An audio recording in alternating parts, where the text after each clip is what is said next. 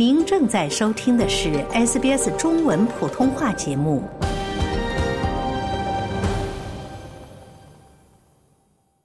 从法律角度看待社会现象，以专家意见指点生活迷津。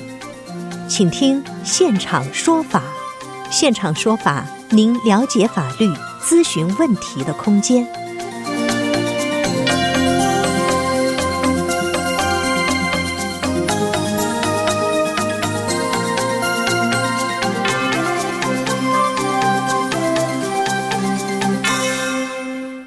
听众朋友您好，欢迎您继续收听 SBS 广播中文普通话节目，为您带来的现场说法听众热线节目。最近呢，我们看到呢，维州的一位买家在买房前呢，自己请了建筑师做了验房哈，发现呢，自己的验房师出具的验房报告与房产中介提供的，也就是卖家提供的验房报告有非常大的差别。那么自己请人验房的这一举动呢，也让这位买家呢避免了大额损失。在今天的现场说法听众热线节目中呢，我们邀请奥斯勒奥和绿业管理合伙人林慧梅律师呢，和我们一起来聊一聊买房前验房的话题。欢迎听众朋友拨打热线电话一三零零七九九三二三一三零零七九九三二三参与节目咨询法律问题。首先来连线本期节目嘉宾林律师，您早。早上好，俊杰，听众朋友们好。哎，非常谢谢林律师做客我们的节目哈，林律师。这个案例啊，我看简要的看了一下这个内容哈，就是说买家在这个买房前自己请人验房是很重要哈。您能给我们简要的介绍一下这个案例吗？在？哎，好的，没问题。呃，一般大家都知道，现在买房市场特别的火热，嗯，然后呢，大家去的时候呢，可能大家拍卖，他拍卖的时候呢，可能就是在现场，我们就要做一个买或不买的一些决定，或者就要去叫价。那么这时候呢，就衍生出大家去选择的时间很短。那因此呢，有些买家呢就会甚至啊自己在看房的时候呢，就会请验房师啊，可能就一起去，来帮助自己做一个更好的一个判断。那么呃，验房师呢会在他的验房报告当中呢出具一个完整的对于这个房屋状态的，主要是建筑和害虫方面的一个报告的内容，来告诉这个买家在这个房屋的建筑方面或者害虫方面是否有瑕疵。那么瑕疵呢，我们把它分为两类，一类呢是主要瑕疵，一类呢是次要瑕疵。嗯，那如果买的是二手房呢，往往次要瑕疵呢会被买家所包容，但如果是主要瑕疵的话，那可能就涉及到房屋的结构问题。那这时候可能一些修复啊，就会花费更多的钱，或者呢就是说，呃，这个房子它可能就对于适适住性方面啊，也会存在一定的这个问题。那么因此呢，我们都强烈的建议买家可能要花个几百澳币，往往是在四百到八百之间，那么做一个检查，可能能帮助自己啊，去躲掉一些可能能让自己花费更多的瑕建筑瑕疵的物业或者不适合居住的物业。就是这个案例中啊，就是说，买家自己请验房师做的这个验房报告，跟卖家请验房师出的这个验房报告，为什么会大相径庭，差别那么大呢？这个主要原因是什么？嗯，我们呃，一方面呢是呃，卖家跟买家请的这个房屋呃，请的房屋检查师当中啊，有可能存在 work scope，也就我们说的工作范围的区别。那么卖家请的房屋检查师呢，可能也是个呃持牌独立的一个检查师，但是他可能会让这个检查师只在这个物业当中做一个初步检查，或者只是做一个局部检查啊。那这时候呢，这个报告依然是有效的、合法的，但是呢，这个检查的内容是局限的。但买家的角度是不一样的，买家恨不得把这房子查个底朝天的，是。所以呢，他，所以他可能请的呃这个检查师呢，可能就说哦，你什么都查，费用高都没关系，你一定要查的越细越好。那这时候呢，也是合法的，也是有效的。但我们说这个 work scope 工作范围是非常广的，因此。它出来的时候报告内容呢，可能是更加深的、更加深刻的、更加透明的、更加这个呃呃细致的，所以呢，两份都有效的报告呢，可能就使得呃大家的角度不同，内容呢就更广一些。所以说，这个尤其拍卖前哈，要拍卖一房子之前，就是有意向拍卖的话，就是说这个钱还是不能省，对吧？作为一个买家来说，对。其实这个验房师，我觉得房屋检查，嗯，那是这个验房师，他这个怎么说呢？给我感觉啊，作为一个普通老百姓，我就觉得，同样是验房师哈，虽然是不同人请的，这个差别那么大，这个这个可信度怎么这么低呢？他们是不是都得持有这个许可证呢？是不是还是说，呃，我看到这个新州好像是这个验房师的这个许可证在二零零九年就取消了，是吧？嗯，是这个呢，在不同州啊，又有不同的一些规定。像您所说的，那么新州呢，在零九年呢就已经取消了。那么呃，那当然呃，新州呢也有在讨论说要引入更严格的这个资质，来请恢复到这个房屋检查的这个呃许可。那此外呢，呃，塔州跟西澳大利亚西澳呢。也有不同这个规定，嗯，他们的规定呢是购房者呢完全依赖于自己的这个呃自己对自己负责的这样的原则，在市场上进行交易，啊自己进行尽职调查，然后呢也也也让这个买家自己去请房屋检查师，那请出来之后呢，自己就对自己的房屋检查师做出的这个内容的解释或报告来负责，那么。呃，这点呢，在这个呃维多利亚州呢，有些许的这个不同。在维多利亚州呢，会要求这个卖家呢做一定的这个揭露，对啊，但这样的卖家揭露的这个呃程度呢，在昆州呢又有所不同。在昆州呢，是可以要求卖家不做任何的揭露的，但是一旦买家问，对买家一问，卖家如果对这个问题也进行了一个答复。那么这个答复呢，会构成一个承诺，但是如果卖家选择不答复，那么或者明示他所做的这个内容呢，只是供一个信息参考，不是一个承诺，那这种情况下呢，卖家的答复呢，也不需要被负责。因此，大家看到哦，同样是买房，昆州、维州、新州等等其他州啊，哦，差别这么大。有些呢，卖家有义务介入这么多，有些呢，不需要揭露。有些揭露呢还可以不算数，有些揭露的呢跟买家自己做的检查呢还可以不一样，所以买方这等大事呢，我觉得买家还是要自己对自己负责。有时候呢，宁愿呃卖家或者卖家中介说了一些话，我们也在做一个谨慎或者再检查的态度，也不怕，因为买方毕竟是个相对百万的大事儿，那咱多花一点钱再查一查。对，非常感谢林慧明律师给我们的分享啊，听众朋友，您正在收听的是。SBS 普通话为您带来的现场说法听众热线节目，在刚才的节目中呢，林慧梅律师和我们聊了聊买房前验房重要性的话题哈。欢迎听众朋友继续拨打热线电话一三零零七九九三二三一三零零七九九三二三参与节目咨询法律问题。接下来我们来接听听众电话，这位是王女士，王女士您好。啊，是我吗？是您，您请讲。啊，呃，主持人好，林律师。你好。可能今天因为是谈的是房子的事，可能我不是这个。啊，那你也可以请问，您的声音听得不是很清楚，您请问是开的免提吗？请把电话放到耳朵边。我了，要开了免提。请把免提去掉，放到耳朵边，正常通话可以吧？我试一啊，现在可以吗？啊，现在好多了，谢谢。啊，现在好好。那我的问题呢，我就想请教林律师，因为呢，我在。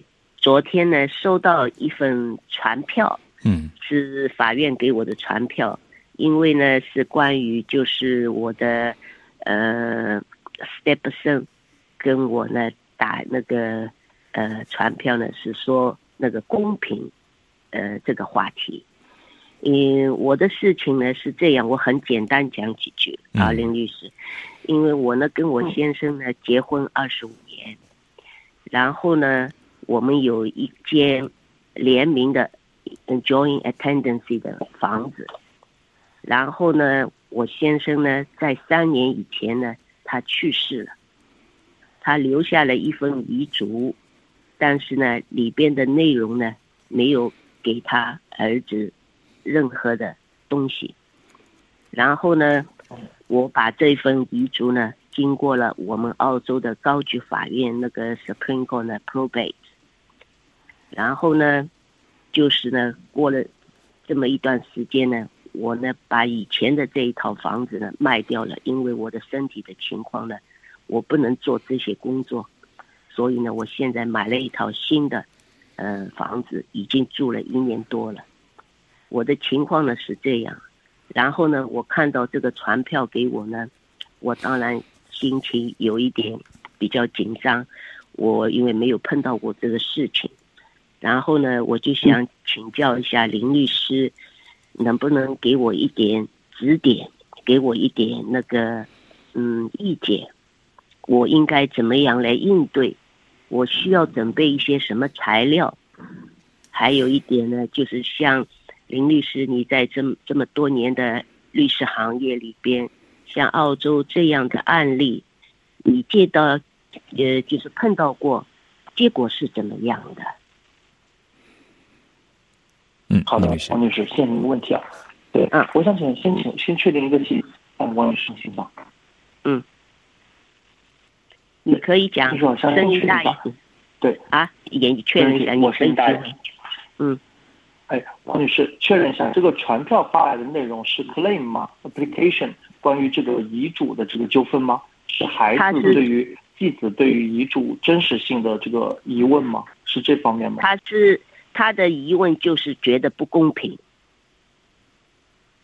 好的，了解，也就针对这个不公平，他跟我打官司。好的，这个继子是什么时候抚养的？现在多大呢？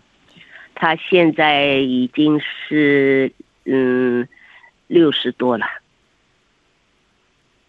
好的，六十一岁。什么时候在就是？什么时候开始一起生活的？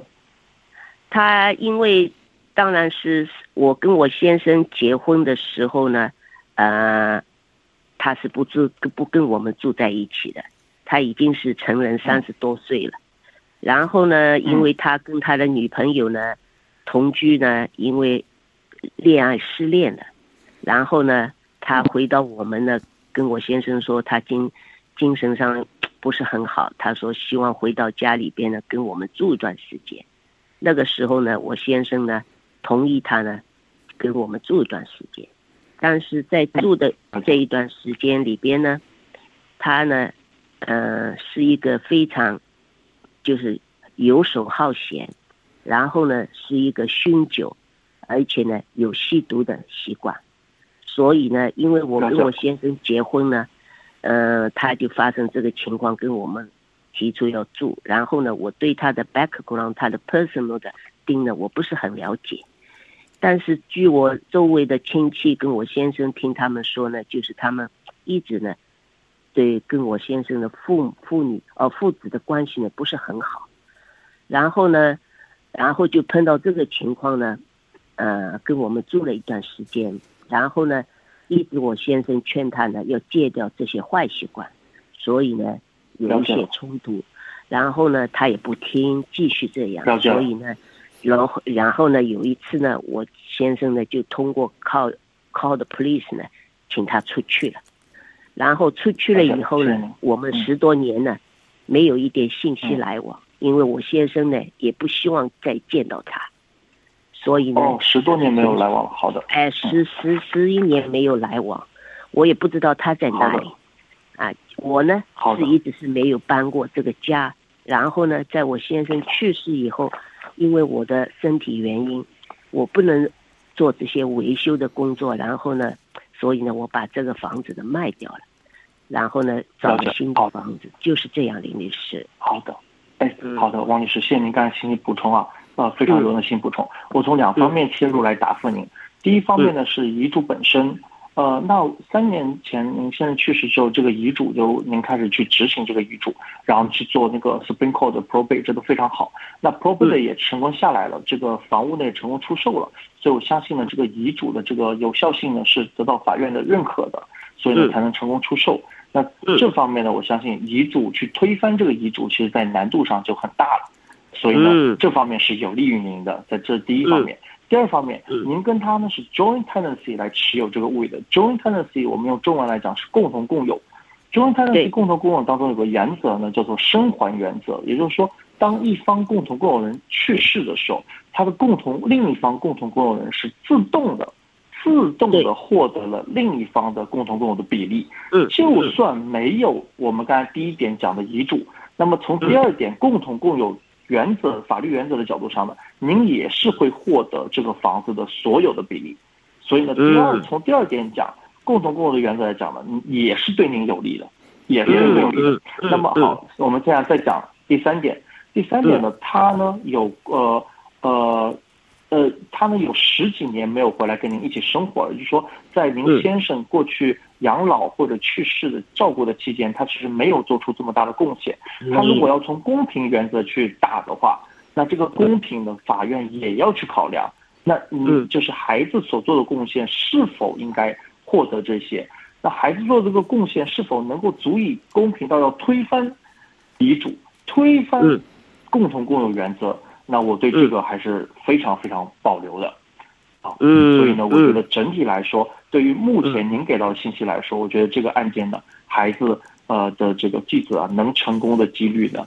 还是非常有限的。那当然，您可能还是要花费一定的时间去应付对这样的法律的程序，这是难免的。因为法庭也要知道您的立场。对对，还有一还有一点，林律师，我要补充一下，因为我跟我先生结婚呢，是他是第二次婚姻，然后呢，因为他以前的这套房子呢，是我先，因为他太太过世以后呢，就是就像你说的，自动的转到我先生的名下。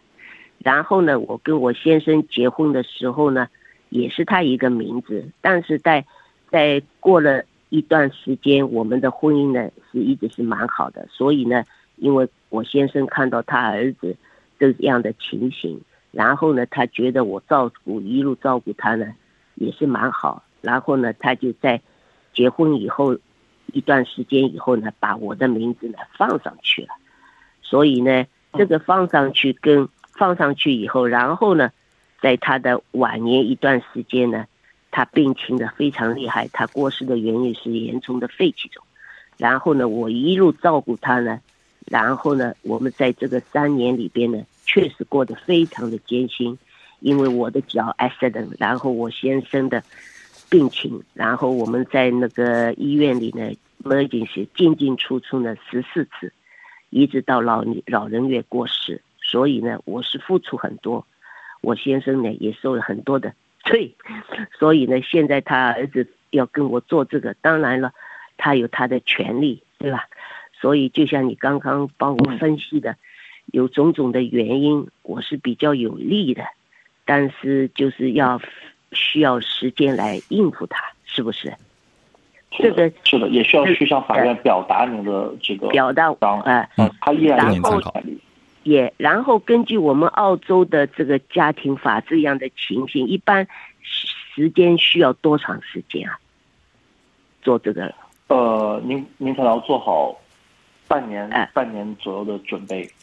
OK，还有一点，林律师，我现在需要还要收集一些什么有利的材料吗？呃，我觉得您现在就把之前遗嘱的相关 probate 这些文件。还有之前 d o i n tenancy 的登记，这两点先拿出去，因为这两点的文件应该是现成，比较好找到的。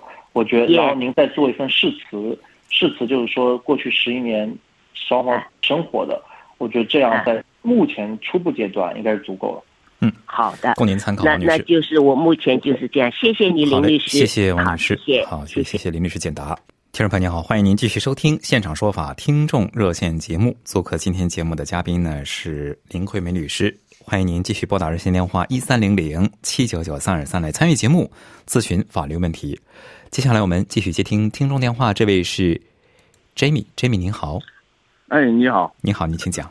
呃，大家好，我有个问题，就是说我现在住的房子我卖掉了，卖掉了呢，还有三个星期要 settle，但是呢，我我在呃在卖掉之前呢，我跟那个我有一个投资房，我想搬回投资房。那么呢，我就通过 A 警跟那个租客说了，让他在还有两个星期让他搬走，然后呢，把我那个买卖的合同都给那个租客看了，到现在他还有两个星期还没有搬，还没有动。然后呢，A 进去问他，他说找不到房子。那现在我还有两个星期，假如他搬不了，我也搬不进去。那这个问题，人家买家也搬不进我的房子，那不是？卡住了，这个问题是怎么办的？哦，好的，谢谢金明您的问题。呃，您是两个房子，一个您现在要卖掉自住房，然后搬回到您的投资房，对吗？对对对。对，好，没问题。首先呢，您这是两本合同，一本合同呢是租约跟投资房的租客，一本呢是房屋出售合同，就是您自住房的买家。那么我们两个分两个点来分析，自住房的出售跟买家呢，这个呢您是有已经有合同了，您是有义务要在交割的时候给到一个空租的这个物业的，无论您之后住在哪里。您都有义务要给他一个空租的物业，除非您跟这个买家达成了新的延期交割的条款，或者是返租的条款，就是交割完之后买家不进来，您再向买家租回来住进去。啊，除非达成这样的条款，不然的话，在交割当天您都有义务要交付一个空租的自住房物业给到这个买家，这是第一本合同的约定。第二本，根于这个投资房的出租，呃。如果这个租，再问一下杰米，这个租约是什么时候到期？原则上，租约租约已经到期了，呃呃，去年年底到期了，但是没有那个签合同、签合约，就让他一直住下去，因为我要随时随地要搬进去，什么时候搬我就不知道，所以呢，租客也他也同意的。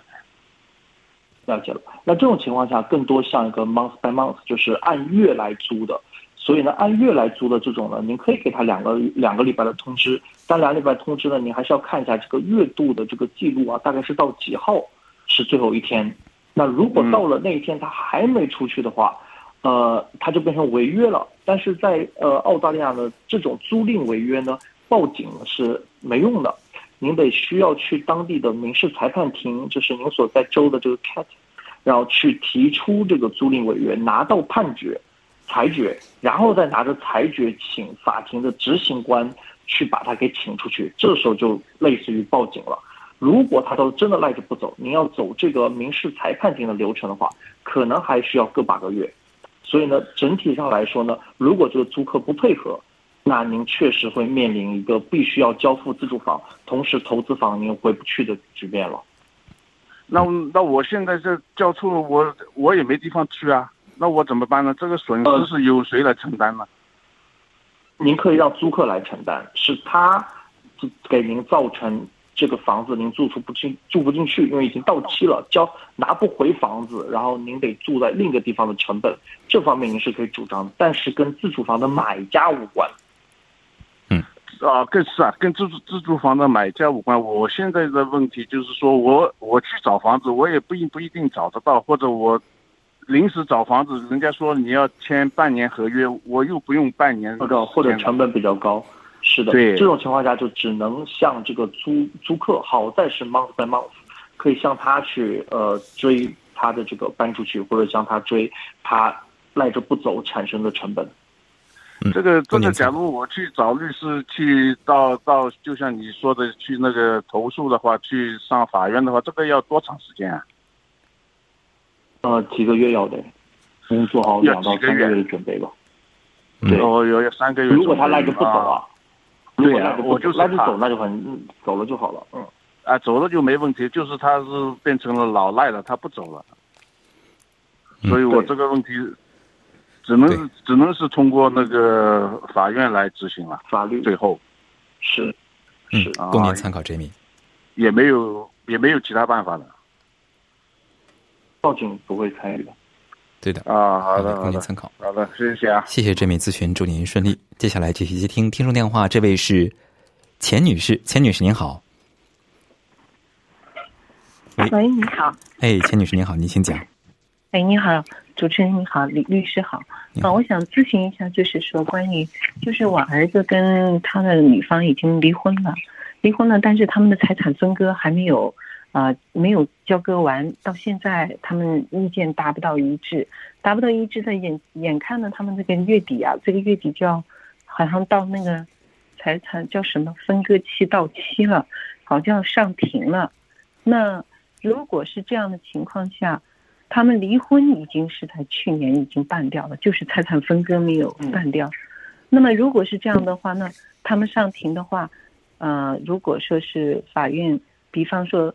啊，这个房子的一半归女方，那我儿子就要把这个房子的一半的钱给他们。那我儿子可不可以说？那法官肯定问你这个钱，嗯，是贷款来还是怎么样来？那我儿子不想贷款，他可不可以说父母，嗯，让父母来帮他来来还这个，就是给对方的这个钱呢？哦，理解了。呃，没问题的，陈女士，在比如说法院做出判决之后，一下子您的孩子没有现金的话，那可以向法院去要求分期付款，或者是告诉呃法院说他他的这个来源资金来源呢，可能是从别的地方的，可以从父母，也可以从朋友，可以从其他的信贷机构。那只要最终这笔钱是合法获得，并且这个女方拿到这笔钱的话，我觉得就不是是问题，所以你不用太担心这个资金来源的问题。他们会不会就是对方要分父母的财产呢？哦，不会的，不会的。就是家庭法对于呃家庭法院来说，他们夫妻双方之内的这个共同资产跟父母无关，跟父母无关的哈。就比方说，那为什么女方一直追究着我们的钱呢？就说她她她她家里有多少钱，啊？怎么要跟她有关系呢？我都觉得很奇怪。他追究您的钱，您说他的行为是什么？他就说是说我们有钱呢，就是说他应该是跟和他有关系的，就是他进了这个家我理解了，我理解了。那可能是表明两点啊。第一点，他认为这个先生可能有一些恶意资金转移的这个行为，他怀疑啊，可能这是第一点啊。第二点，他相信父母一定会支持他。啊，对他就是相信，他相信我们家的条件，所以他没有证据说我儿子转钱给我们，因为我儿子也赚是的很多，所以是的，他就是的，所以在这种情况下，对，所以在这种情况下呢，呃，您跟孩子的经济是独立的，那如果您就表达出非常严厉的态度，我就是不会支持孩子的，也许他在诉讼当中也不会这么坚定了。那你说到呃法庭要判的时候，就是说就就肯定要问我儿子嘛。那因为现在律师也问，就说那你如果是这个财产分割的话，那你是贷款呢还是怎么样呢？所以这个问题，呃，我儿子可以贷款，但是他也不想贷款，就是说一下给他就完了，就是我们就想支持他就给他算了。那么怎么样呢？那呃可不可以说？呃，之前由我父母来支付，可不可以这样子说？这个这个原则意义上不是由父母来支付，而是他向二老去借款，他向二老去借款，二老借给孩子，而不是代为支付。哦，是这样子。如果您越表达会代为支付，那女方肯定就越坚定的往下挖了。哦，这样子，好的，行了，所以不能表这么表达出，这只是一笔借款。给孩子去支付孩子要面临的一些费用，都经济上已经独立了。那是不是啊？到时候也要写个借款条了，这样子哈？嗯，借款协议就像像银行贷款一样的。哦，好的，挺好的，谢谢，谢谢钱女士咨询，祝您顺利。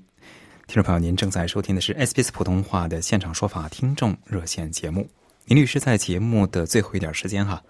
我还想请您给我们的简要的回顾一下，或者是介绍一下，就是说，如果在澳大利亚买房，您刚才提到这个验房的时间点很重要哈。就是一个验房的内容方面来说，是不是验房师可以验的内容其实是有限的呢？就从他这个职业来说，以昆州为例的话，嗯，是的，对，是的，是的，您说非常对，这点一定要跟大家再表明一下。就有一个叫石灰棉的，这个石灰棉呢是在九零年年代左右开始就已经被禁止使用了，逐步被禁止使用了。但是我们经常在全澳买二手房当中呢，依然有可能碰到一些老房子嘛，二三十年以上的老房子。嗯，那这些老房子的石灰棉呢，可能还是会有的。但是检查师他原则上啊是可以不查，或者他不会查，或者他没有资质去查石灰棉的。所以大家如果觉得自己要买的房子是九零年或者以前的话，大概率是用石灰棉材料去搭建的话，那这种情况下。除了检查，或多叮嘱检查师一句，或者除了这个检查建筑检查师以外，还要请石灰棉的检查师也过来一起检查。因为如果您买到一个石灰棉的房子的话，那虽然是合法，但是之后的这个维护啊、改建啊，万一破坏之后，这个石灰棉飞出去，对于人体还有邻居或者租客造成伤害啊，这个责任和经济赔偿可能会非常大。这点我想在节目最后一条再叮嘱一下听众朋友们。另外就是说这个。一般来说，这个房屋检查师或者验房师哈，它主要它能涵盖的这个检查类型或者是检查项目，主要有哪些？您一般从这个房屋买卖的过程来看，没问题。它它除了建筑检查、害虫检查之外呢，它也可能还会包含游泳池检查、太阳能的系统检查，还有包括屋顶的检查、天花板渗漏啊、水啊，还有墙体的薄弱啊、开裂啊、地基的受损啊、霉菌问题啊、呃防水不足啊等等。那当然，呃，买家呢也可以对自己比较担心的地方啊提出来，告诉他，啊告诉他你想检查的范围。嗯，那是自己提出的范围，额外加的话呢，就是费用会稍微得增加一些啊，可以理解哈。是的，是的，还有这个烟雾报警系统跟电力检查之类，大家也别忘了。嗯，非常感谢林律师做客今天的现场说法听众热线节目，给我们的分享啊，谢谢您，听众朋友。因个人情况因人而异，法律问题复杂，本节目仅供一般性参考，并无意提供任何个案法律建议。具体法律纠纷，请您咨询专业的律师。了解澳洲，融入澳洲，欢迎登录 sbs 点 com 点 au 前斜杠 language 前斜杠 mandarin，获取更多澳大利亚新闻和资讯。